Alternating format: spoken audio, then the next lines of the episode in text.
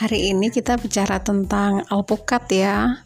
Alpukat itu juga salah satu buah yang mempunyai khasiat atau manfaat yang sangat bagus untuk kesehatan karena mengandung lemak tak jenuh yang bisa menyebabkan kita menjadi sehat dan tidak menyebabkan kita menjadi gemuk gitu tapi cukup mengenyangkan sehingga alpukat cocok untuk dimakan orang yang sedang diet nah kenapa kita sering ketemu sama tanaman alpukat yang nggak berbuah gitu padahal bunganya udah banyak?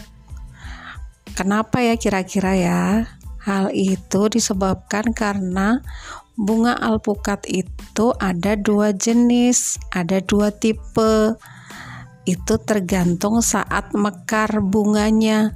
Kalau kamu hanya nanam alpukat satu jenis bunga di mana dia mekarnya misalnya pagi hari aja dia mekar sampai siang.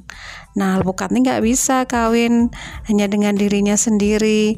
Dia harus kawin dengan bunga yang tipe lainnya, varietas atau jenis lainnya. Karena itu, sebaiknya kalau menanam alpukat kita harus mengenal dulu bunganya, kapan dia mekar dan kapan dia kuncup.